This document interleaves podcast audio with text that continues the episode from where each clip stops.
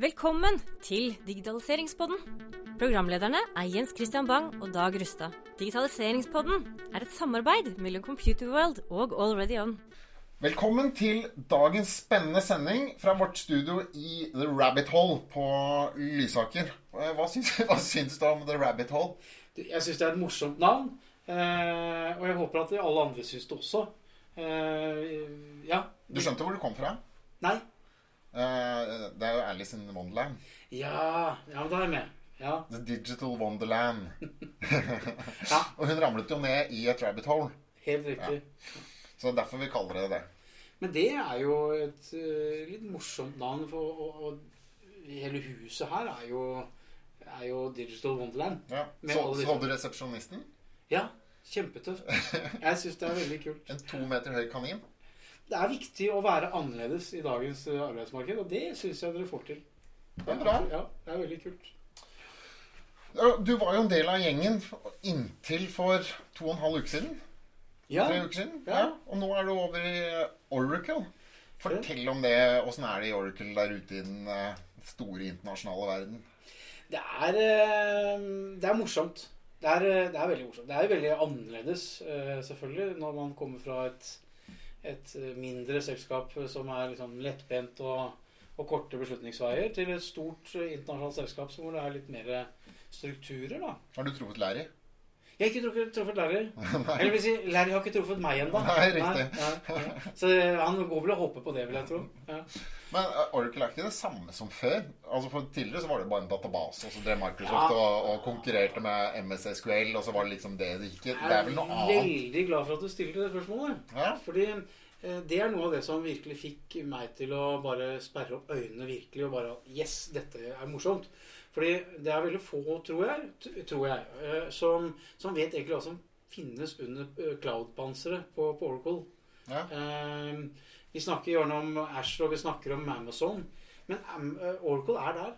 Så de har sin egen cloud? De har egne cloud, og de har eh, PAS og IAS, og de har masse app eh, Altså, de har denne Marketplace, og de har akkurat det samme. Mm. Eh, og, Med tredjepart også, eller? Med tredjepart. Masse tredjepart. Mange partnere. Så ehm, Ja, jeg, det er det som virkelig motiverte meg til å, å, å begynne i Oracle. Ja. Det var akkurat den eh, det mulighetsrommet som ligger der, eh, som ikke er så kjent ennå. Og det syns jeg er morsomt å få lov til å være med på å, å gjøre kjent. da. Så det blir veldig gøy. Men det er ikke bare jeg som eh, har vært ute og hatt litt moro i det siste. Nei? For oss andre som følger med litt på Instagram og Facebook, og og også Digitaliseringspodden. Du har jo vært i Amerika. South by Southwest. Hva er det? Ja, det er, det er en sånn eh, tredelt eh, konferanse. Jeg tror det er 100 000 mennesker som møter opp der. Det er innenfor film, og så er det innenfor eh, musikk. Det er vel musikk det startet med, og så er det innenfor interaction, som det heter. Ja. Interaction er jo alt fra Altså det var jo De snakket masse om AI. Selv om AI begynner egentlig å bli gammeldags. For når du snakker om AI, så er det bare det som kommer i morgen. Mm. Eh, men det var masse VR, AR, som argumented reality. Det vil jo si at du, du ser den virkelige verden, men så ser du objekter som er datafokusert da inn i, det, inn i den virkelige verden. Mm. Og det ser man vel også at det kommer til å være verktøy som vi kan bruke. Altså skal du være servicemann på en, i en heissjakt, så kan du liksom se arbeidstegninger samtidig som du ser eh, det du jobber med. Mm. Og så var det blockchain. Det var veldig mye blockchain. Jeg hadde egentlig gitt opp blockchain. Det var en kjempehype for, for noen år siden. Men eh, Fikk du litt, eh, litt ny inspirasjon på blokkjede? ja, jeg var på en konferanse med en av de som hadde startet opp eh, Ethereum. Ja. Eh, og de driver jo ikke bare med, med valuta og, og, og mining, men de driver også mye med det de kaller D-app, altså en desentralisert app. Mm. Eh, Så hvis du, hvis du utvikler en applikasjon, ikke for telefonen, men mer sånn og så, og så legger du den ut på en blockchain-server, så vil den spre seg til alle mulige andre blockchain-servere. Så, sånn som jeg forsto det, jeg er ikke sikkert jeg har forstått det helt, for det er jo ganske teknisk også, dette her. Men da når du først har langs, altså, launchet en sånn applikasjon, så kan du ikke stoppe den igjen. Altså, du må ikke trykke tilbake igjen. Beklager, jeg ville ikke Altså, allikevel. Du må jo kunne oppdatere den eller gjøre et eller annet Ja. med den. da, men, eh, men den er liksom litt, eh, litt spredd, og det vil si at den også aldri går ned. da. på samme måten. ja. For hvis du har en applikasjon som ligger på én server, så kan den gå ned. Men hvis den er spredd over 1000 servere, så Mm. går den ikke. Altså, det var veldig inspirerende og litt sånn øyeåpne, for verden har, har liksom gått videre. Altså, de snakker om flybiler, og at det skal komme i eh, 2023. Mm. Altså, hvis man tror på det, da, Mm. så er det, så er det veldig store eh, Store endringer i samfunnet som, som kommer til å skje. Så det kommer jo til å være veldig moro å være menneske fremover. Men er det slik at eh, Altså, vi i Norge vi liker å tro at vi er veldig langt fremme. Ja. Eh, er vi det? Altså, når du er på eh, konferanse i USA, eh, det, kan du verifisere det, eller er vi, er vi litt etter? Ja, det er et veldig godt spørsmål. Eh, altså, Veldig mye av det som jeg så der borte, alle som bruker eh, Alle sitter og holder på med apper, og de sitter med, med elektriske sykler som du bare leier og setter fra deg på gaten og gjør sånn og sånn og sånn. Og så kommer jeg hjem og forteller om det. Så hører jeg stadig vekk Ja, men sånn har vi, sånn har vi i Oslo. Sånn har vi der. eh, Ja, nei, nå har vi fått sparkesykler i København så, som er elektriske, som du bare kan leie. Så jeg tror at vi er med på veldig mye. Men jeg, jeg tror jeg så det på en litt annen måte rundt den der eh, kjempedigre konferansen. Ja. For der hadde du kanskje sentrert eller fått uh, samlet veldig mye high-tech-mennesker. da. Ja, riktig. Jens Christian, nok prat. Eh, Vi må over til dagens gjest. Han står jo her og, og skraper på veggen. Han har jo så lyst til å komme, komme til, og det skjønner jeg. For i dag har vi en hjernesprengende kar. Eh, Vi har ikke noe mindre enn en professor fra IFI og eh, Handelshøyskolen, NHH. Eh, Jeg gleder meg til å, å få litt innblikk inn i, inn i hjerneparket på denne karen, for her er det mye spennende å ta Ja, tak i. det tror jeg også. Velkommen, Bendik Bygstad. Vi må jo bli litt kjent med deg. Eh, sånn, Vi liker å komme litt sånn litt under huden. Eh, litt bakgrunn. Hvor, eh, kan du si litt om eh, hva du har gjort i ditt voksne liv? Ja, jeg gikk på Universitetet i Oslo, og etterpå så begynte jeg å jobbe som praktiker i IT-bransjen. Jeg jobbet i, ja, jeg jobbet i et departement, og jeg jobbet i konsulting, og jeg var IT-sjef. Og etter 15 år så mistet jeg egentlig motivasjonen. Da hadde jeg på en måte kjøpt halve Razzian, jeg hadde en Mercedes, og jeg gikk tom for egentlig mer materiell motivasjon. Så da sluttet jeg, og så tok jeg et år fri, leste Zen-filosofi og seilte over Atlanterhavet. Men du bare spør, hvor var du IT-sjef? På Teknologisk institutt. Sier du det? Ja. ja. Der har jeg gått. Har du det? Jeg har gått på skole. CRM-skole på Der, teknologisk institutt. Ja. Når var dette? Eh, Det var på 90-tallet. Ja. Ja. Og consulting, hvor var du da? Da var jeg i, i Easy og KPMG. Ah, Mm. Ja. Easy, var dere sånn stormaskiner? Nei, det var uh, vanlig konsultingselskap uh, på Økern. Okay, Ja. Ja. Men, men over Atlanterhavet? Ja. Alene? Nei, jeg var med en båt, Uh, og vi deltok i en seilas som går årlig som heter Ark. Ja. Ja, Det er sånn turbåter som seiler om kapp uh, over Atlanteren og bruker sånn tre uker på det. Mm. Så uh, det eh, som går fra Gran Canaria Fra Gran Canaria Bermuda eller noe sånt? ja, til eh, St. Lucia i Karibien. Ja. Ja, Det må være kjempespennende. Fantastisk. Ja. Ja, det var det. Eh, en dag på den eh, turen så hadde vi to dager med vindstille. Og det her, det her var jo regatta, så det var, vi kunne ikke kjøre motor. Nei. Så der lå vi stille i to dager. Og etter å ha ligget der og kjedet oss en dag, så spraket det i VHF-radioen. Og da var det altså en båt som lå 15 nautiske mil unna, som kaltes opp. For de som ikke er båtvante, hvor langt er det? Er det Det er eh, 25 km. 25 kilometer, Ja. Eh, og så spør skipperen om vi har lyst til å være med på popquiz. Jo. ja, vi hadde jo ikke så mye annet å gjøre, da. Så vi er med på popquiz. Eh, og eh, etter en eh, halvtime så har vi da vunnet eh, popquiz. Så vi spør hva premien er. Og premien den er seks eh, bokser med kaldt øl. Og så spør vi da ja, hvordan får vi det. Jo, sier skipperen, jeg kommer. Og, så går det et kvarter, og så ser vi bare en prikk i horisonten. Og da kommer altså en ribb i full fart eh, og svinger opp ved siden av oss. Kommer om bord, sixpack med kalde øl. Vi feirer seieren. Og så setter han seg og bor i ribben igjen, og så suser han ut og forsvinner ut av horisonten. Det er en ganske spesiell historie. Var det en annen deltaker i eh, Ja, det var en annen deltaker i, i regattaen. Stemmer det. ja, men det må vi si var sportsmanship. Ikke sant? Ja, virkelig. Eh, Jeg må si det, altså. Vi tenkte, tenk om det blåser opp, og båten hans eh, forsvinner ut av rekkevidde. Han kom vel tilbake. Men det er bare en, en ting som jeg bare tenker på. Hvis man er midt ute på Atlanteren, så ser man jo selvsagt ikke noe land noe som helst sted. Uh, og så vet du at det er to, to uker til nærmeste havn. Åssen føles det? Man er jo ganske alene. Du, eh, det, egentlig så føles det jo fantastisk. Hæ? Ja, I hvert fall så lenge man ikke får blindtarmsbetegnelse. Ja. Nei. og ikke bli lett nervøs. Men så ble du jo var du jo over i universitetsmiljø og akademiker. Så da bestemte jeg meg for å gjøre noe annet. Så da begynte jeg på det som het den gangen Den polytekniske høgskolen. Eh, tok doktorgrad eh, og ble senere professor, og så endte på Universitetet i Oslo. Du får det til å høres veldig lett. Hvor lang tid tar det å få- få en doktorgrad? Nei, det tar en fire-fem år å ta en doktorgrad. Ja, det Du gjorde det på heltid uten å jobbe ved siden av? Nei, jeg gjorde det sammen med en full jobb. Ja. Det gjorde jeg. Det er tøffe, tøffe år, da. Det er jo veldig interessant. Og ja. jeg var jo vant til å jobbe hardt fra konsulentbransjen.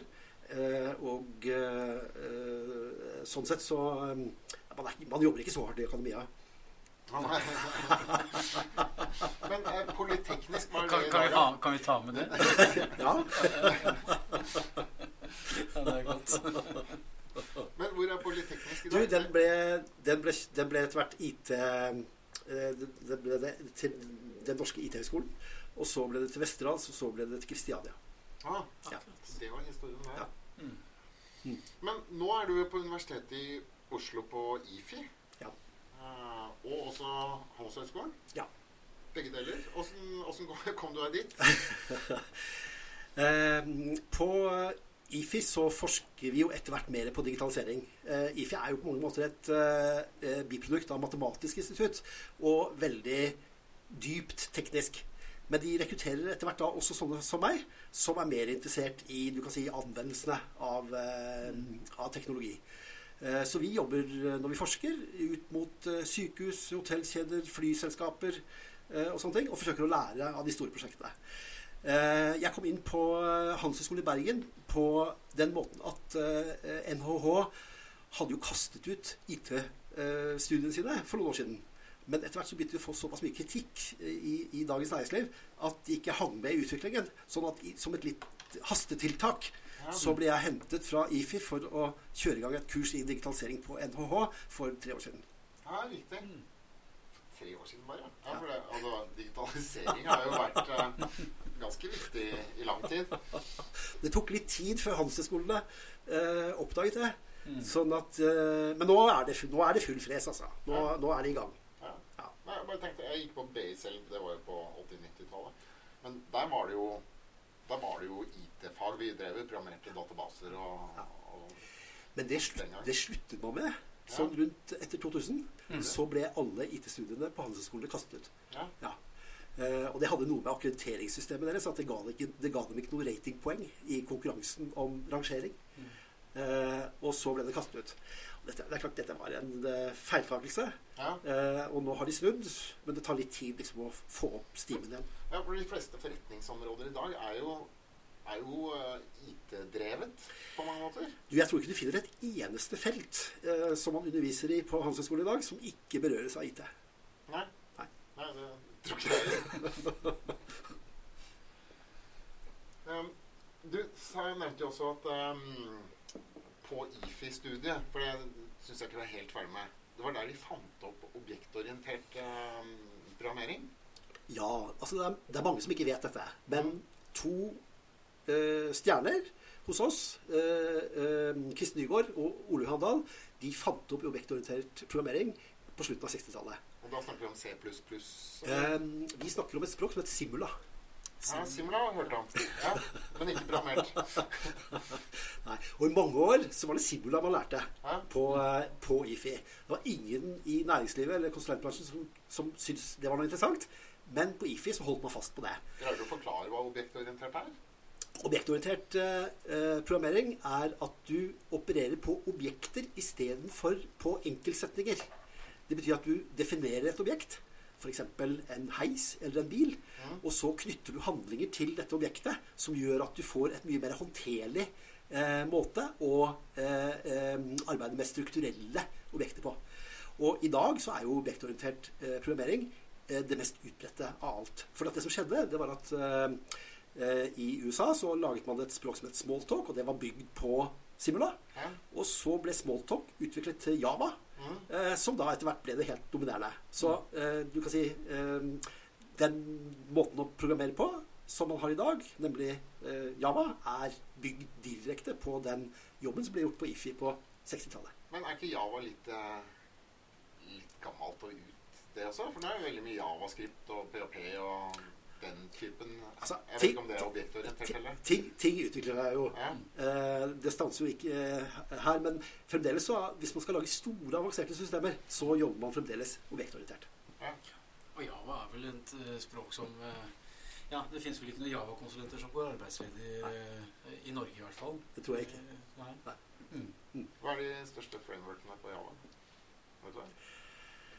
Nei, Du kan si det vi gjør på IFI, ikke sant? vi jobber med basistingene. Så det, det vi lærer studentene, er å, å, å jobbe med dette som enkle basisverktøy, sånn at studentene virkelig skal forstå det. Alle disse frameworkene og pakkene og sånn, det kommer senere når man kommer ut i arbeidslivet. ja, riktig. Alt er ferdiggjort.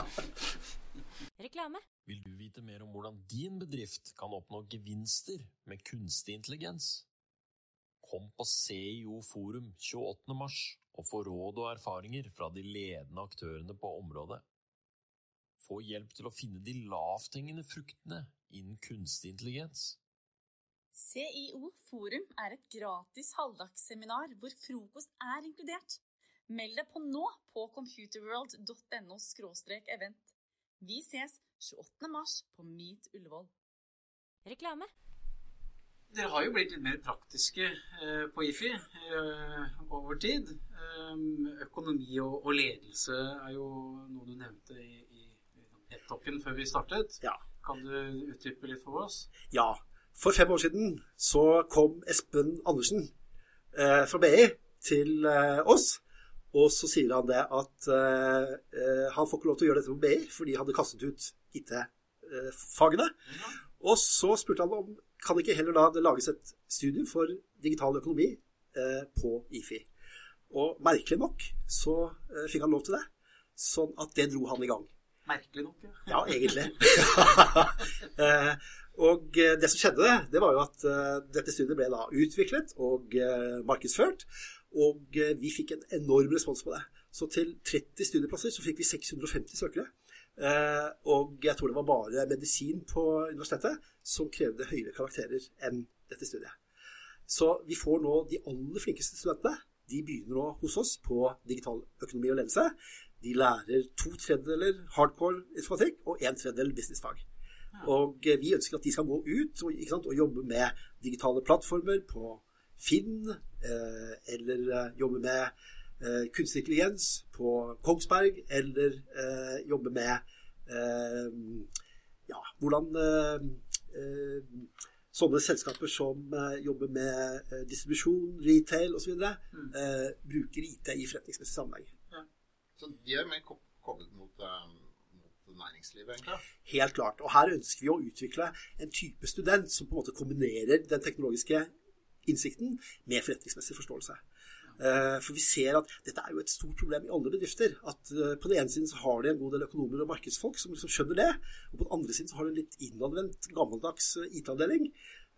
Og de to gruppene snakker dårlig sammen som regel. Ja, Så det å liksom tilnærme seg den digitale mulighetene fra forretningsperspektiv er liksom key features i en sånn sammenheng, eller? Ja. Ja, Hvor langt er studiet? Eh, Dette er en bachelor, altså treårig, treårig stu- studium. Eh, og her prøver vi å, å måtte utdanne en type brobyggere som kan liksom, teknologien ordentlig, men som også forstår markedsføring, regnskap, eh, eh, strategi osv. Eh, og vi jobber nå med å lage en master, sånn at eh, man kan bygge da på, med to år på det også. Alle de fagene du nevnte nå, er jo også blitt veldig IT-drevne. Du snakker ikke om marketing om det gamle Kotler lenger. Nå er det sosiale medier og storytelling og videoer og YouTube og, og det som er. Du, Det rare er altså at eh, verdens eh, handelshøyskoler har vært ganske sene med å skjønne dette. Så det jeg tror det er masse Kotler eh, fremdeles eh, rundt om. altså. Til og med litt porter. Men BI skal ha, sies at de har en linje som heter digital markedsføring. Ja. Ja. de har det. Min sønn har søkt. Ja, sier du det? Ja. Men det har vært en, altså, en, en, en tung prosess, og, og nå er altså, eh, Espen Andersen, for å nevne han eh, en gang til, har på en måte vært en drivkraft i B-miljøet for å få dette tilbake igjen på Handelshøyskolen. Ja. Ja. Men jeg kunne tenke meg at vi dreide samtalen litt nå over på det digitale faget. For det, um, digitaliseringspodden burde jo ha Ja, og, snakke litt om teorien rundt, rundt digitalisering også. ja, og vi har jo en kandidat her som har mye på hjertet rundt, eh, rundt dette temaet. Så det syns jeg absolutt vi skal. Ehm, digital ledelse, det vet jeg at det er noe du har eh, stor interesse for. Ehm, det er ikke alltid at dere er enige i forskningsmiljøene om om det er eh, likhet mellom om, er ledelse ledelse, eller er det faktisk sånn at digital ledelse er annerledes enn vanlig ledelse? Eller kan man kalle det vanlig ledelse? Men ja, du vet hvor jeg skal. Eh, hva, hva, hva tenker du om dette, Vedder? Jo, vi har altså hatt eh, noen diskusjoner på Handelshøyskolen om dette, og de som er gode på ledelse, og har forsket mye på ledelse, de er overbevist om at det finnes bare én ledelse, og, det, og den heter ledelse. Ja. Eh, Men vi som forsker på digitaliseringsprosesser, vi ser at ledere har problemer med sine tradisjonelle verktøy når det gjelder å styre digitalisering. Ja. Så vi tror at digital ledelse er noe spesifikt, og at det skiller seg fra tradisjonell ledelse. Det krever nye begreper og nye ferdigheter fra lederne. Du har, det, der skjønner jeg at dette er et pågående studie, så, så det, det, du har ikke liksom to streker under svaret ennå. Men, men hva har du funnet så langt? En måte å se på det, det er at hva er det ledere gjør? Jo, ikke sant? De planlegger, de iverksetter, de følger opp resultater. Mm. Og hvordan gjør de det? Jo, de planlegger med mennesker og med penger, og så følger man opp på resultater og, og på regnskaper. Ja. Så kan du si, når det gjelder digitale eh, ledere, så ser vi det at de har en ressurs til, i tillegg til mennesker og penger, som de følger opp, nemlig at enhver organisasjon i dag har egentlig en masse digitale ressurser. Det har systemer, det har sin tilstedeværelse på sosiale medier, det har sine eh, e-postkampanjer, det har sine kunstig intelligensløsninger osv. Og disse digitale ressursene de må styres av personer som kan, som skjønner hva det er, hvordan det skal brukes, og har på en måte den nødvendige innsikten i hva sånne ressurser er. Og Det betyr at de må lære seg begrepene, hvordan det fungerer, hvilke problemer som oppstår, de må kunne dette med sikkerhet osv. Og, og dette er altså en ting som ledere foreløpig har litt sånn skjøvet til IT-avdelingen. Og det vi ser nå, er at det er ikke mulig lenger. Lederne må lære seg det digitale håndverket. Skal ikke, vi skal ikke bruke mye tid på det, men et godt eksempel er vel Yara den siste uken, som, eh, som har blitt litt lammet av et eh, angrep. Hvor, hvor man har krisemøter i, i lederrommet, Mm. Og da skal det vel litt eh, digital ledelse til for å ratte opp riktig, vil jeg tro. Ikke sant? Ja. Og? Og, og, og man kan jo lure på hvor ofte har ledergrupper diskutert risikoen for digitale angrep med malware og med andre ting, eh, og satt i gang systematiske tiltak og opplæring for å mestre det. Det er klart De har gjort lite av det. Eh, ser jo på det som en sånn taktisk greie ikke, sant? litt lenger nede i systemet. Men selvfølgelig er det en katastrofe når eh, systemene går ned. Men en ting som jeg ville gripe litt tak i, som du sa når du fikk ett element til inn i, i ledelse, og så sa du uh, uh, IT-delen. Jeg bare tenkte på en ting. IT skalerer jo. Det gjør ikke mennesker. Altså, der, der har du en ressurs som du kan bare kjøre opp i så, så mye du vil. Har, har du tenkt mye rundt det? Det er klart at, at IT som ressurs, eller digitale ressurser, har helt andre egenskaper enn de andre ressursene. Mm. Ja. Hvis du har satt en person til å gjøre noe, så har du brukt opp den personen. Da må du ha en annen person hvis du skal ha gjort mer eller en annen ting. Alle har hørt det på jobben. Nå skal vi klone den personen, for hun er så flink. Og så, og så greier vi ikke å finne den samme. Men med software så koster det nesten ingenting å kopiere den opp til, til to eller til tusen personer, slik at det skalerer på helt andre måter. Det skalerer jo også globalt. ved at altså, Vi kan sitte i Norge og bruke en komponent eh, som kjøres i California, i skyen, eh, uten at vi tenker på det engang. Men det, dette er jo på en måte en eventyrlig måte å skalere ressurser på. Vi ser også det at uh, disse ressursene er uh, Altså, de, de brukes ikke opp. Og de gjør også at, at en god del økonomisk teori som handler om knapphet, på en måte blir borte. For det er ikke noe knapphet på disse digitale ressursene. de kan gjenbrukes, gjenbrukes i det uendelige.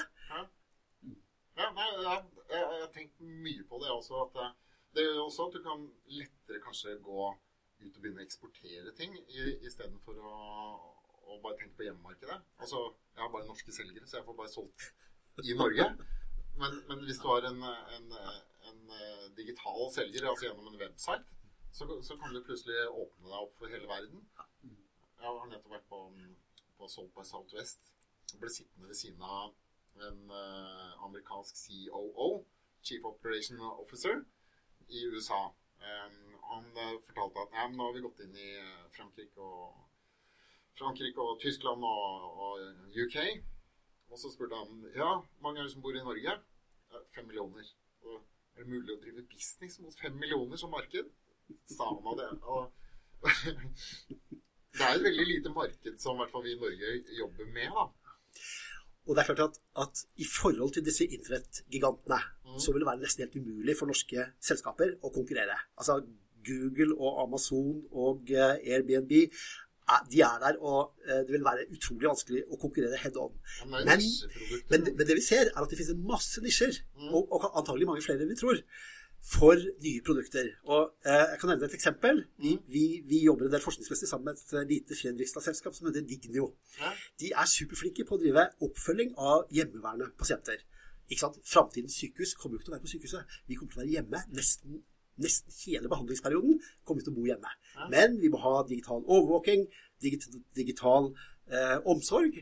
Eh, og det er et område der Norge er langt framme. Og der dette firmaet eh, som jeg nevner, da, har gjort veldig gode løsninger og fått dette eh, implementert flere steder i Norge. Nå er de på full fart inn i Kina. ikke sant? Og eh, kineserne ser da at ja, nei, de hadde ikke noen løsninger av tilsvarende kvalitet.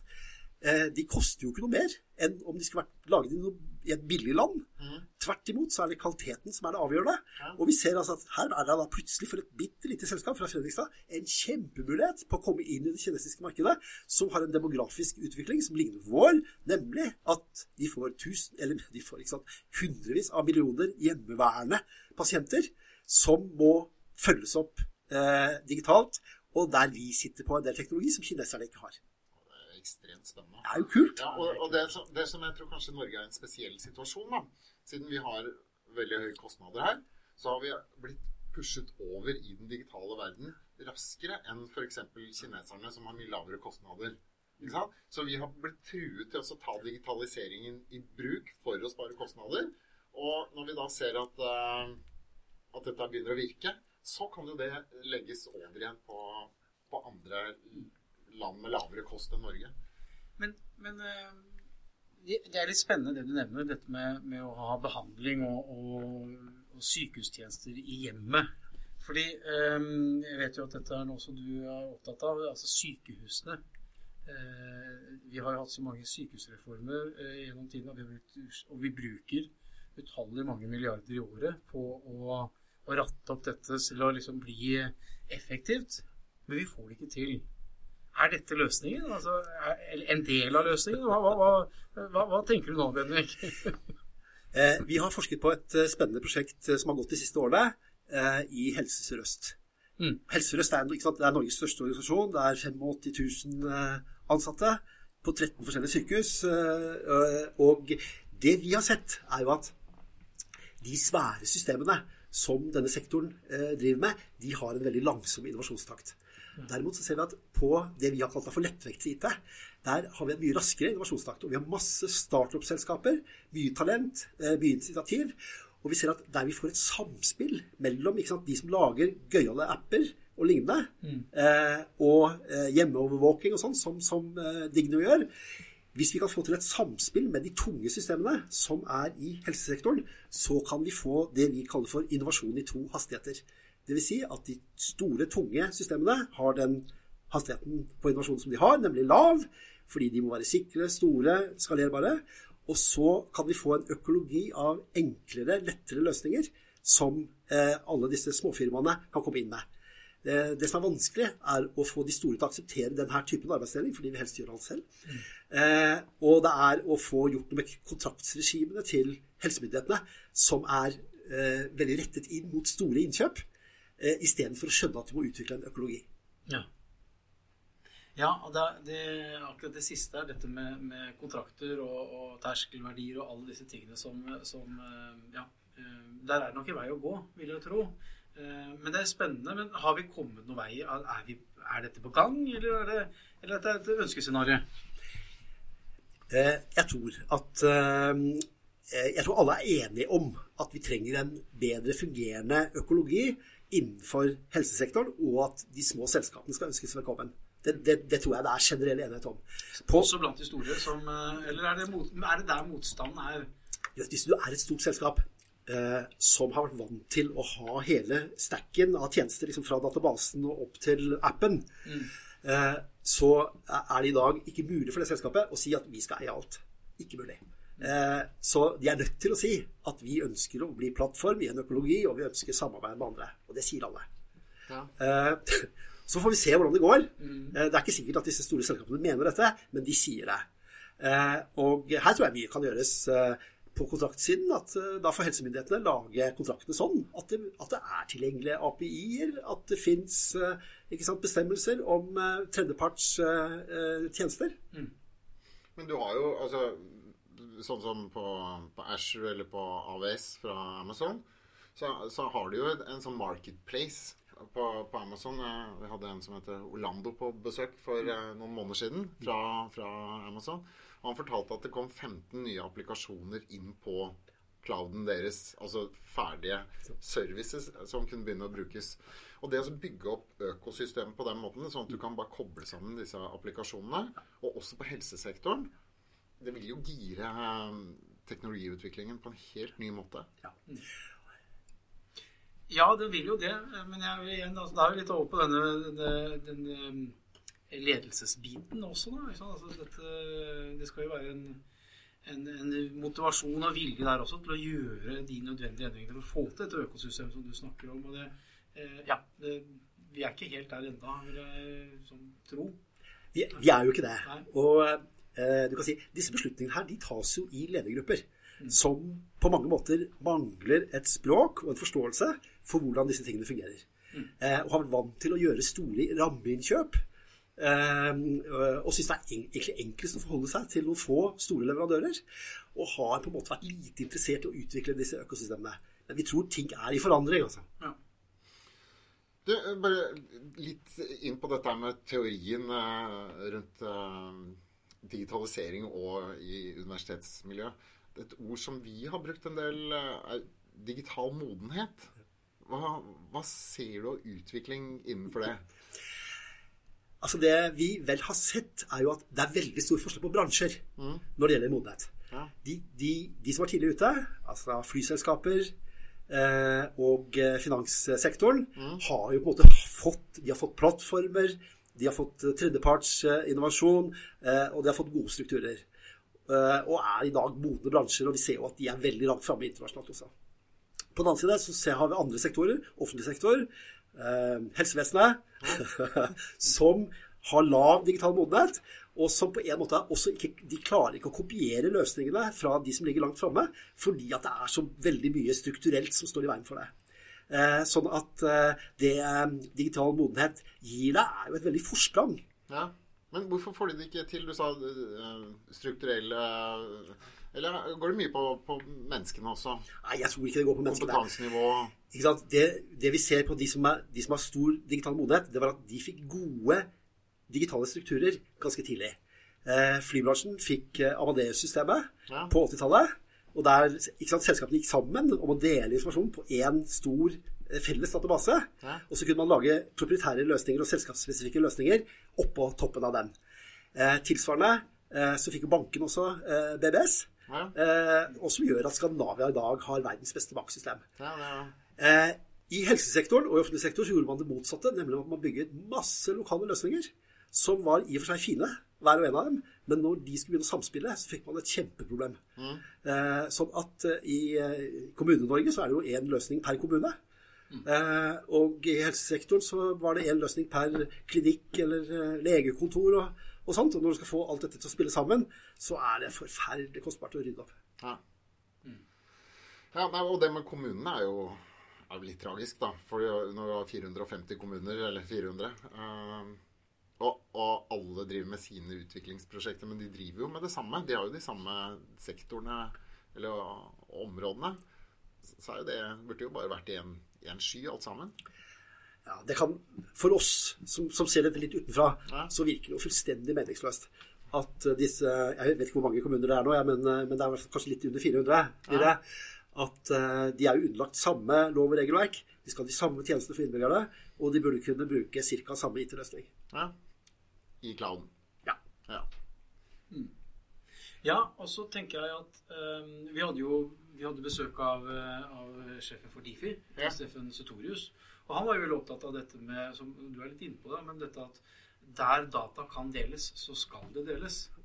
Uh, og der har vi vel, Det gleder vi oss til å se uh, når, når de initiativene blir satt ut i livet. De slår forresten de sammen. Nå fikk du med det? De Men får jo alltid når Difi ja, ja, alltid blir dratt ut av eh, Brønnøysund. Det blir jo et spennende initiativ, det også. Ja.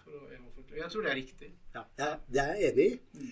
Og jeg tror det er viktig at, eh, at Difi også får noe håndfast. Eh, sånn at man kan bygge disse strukturene.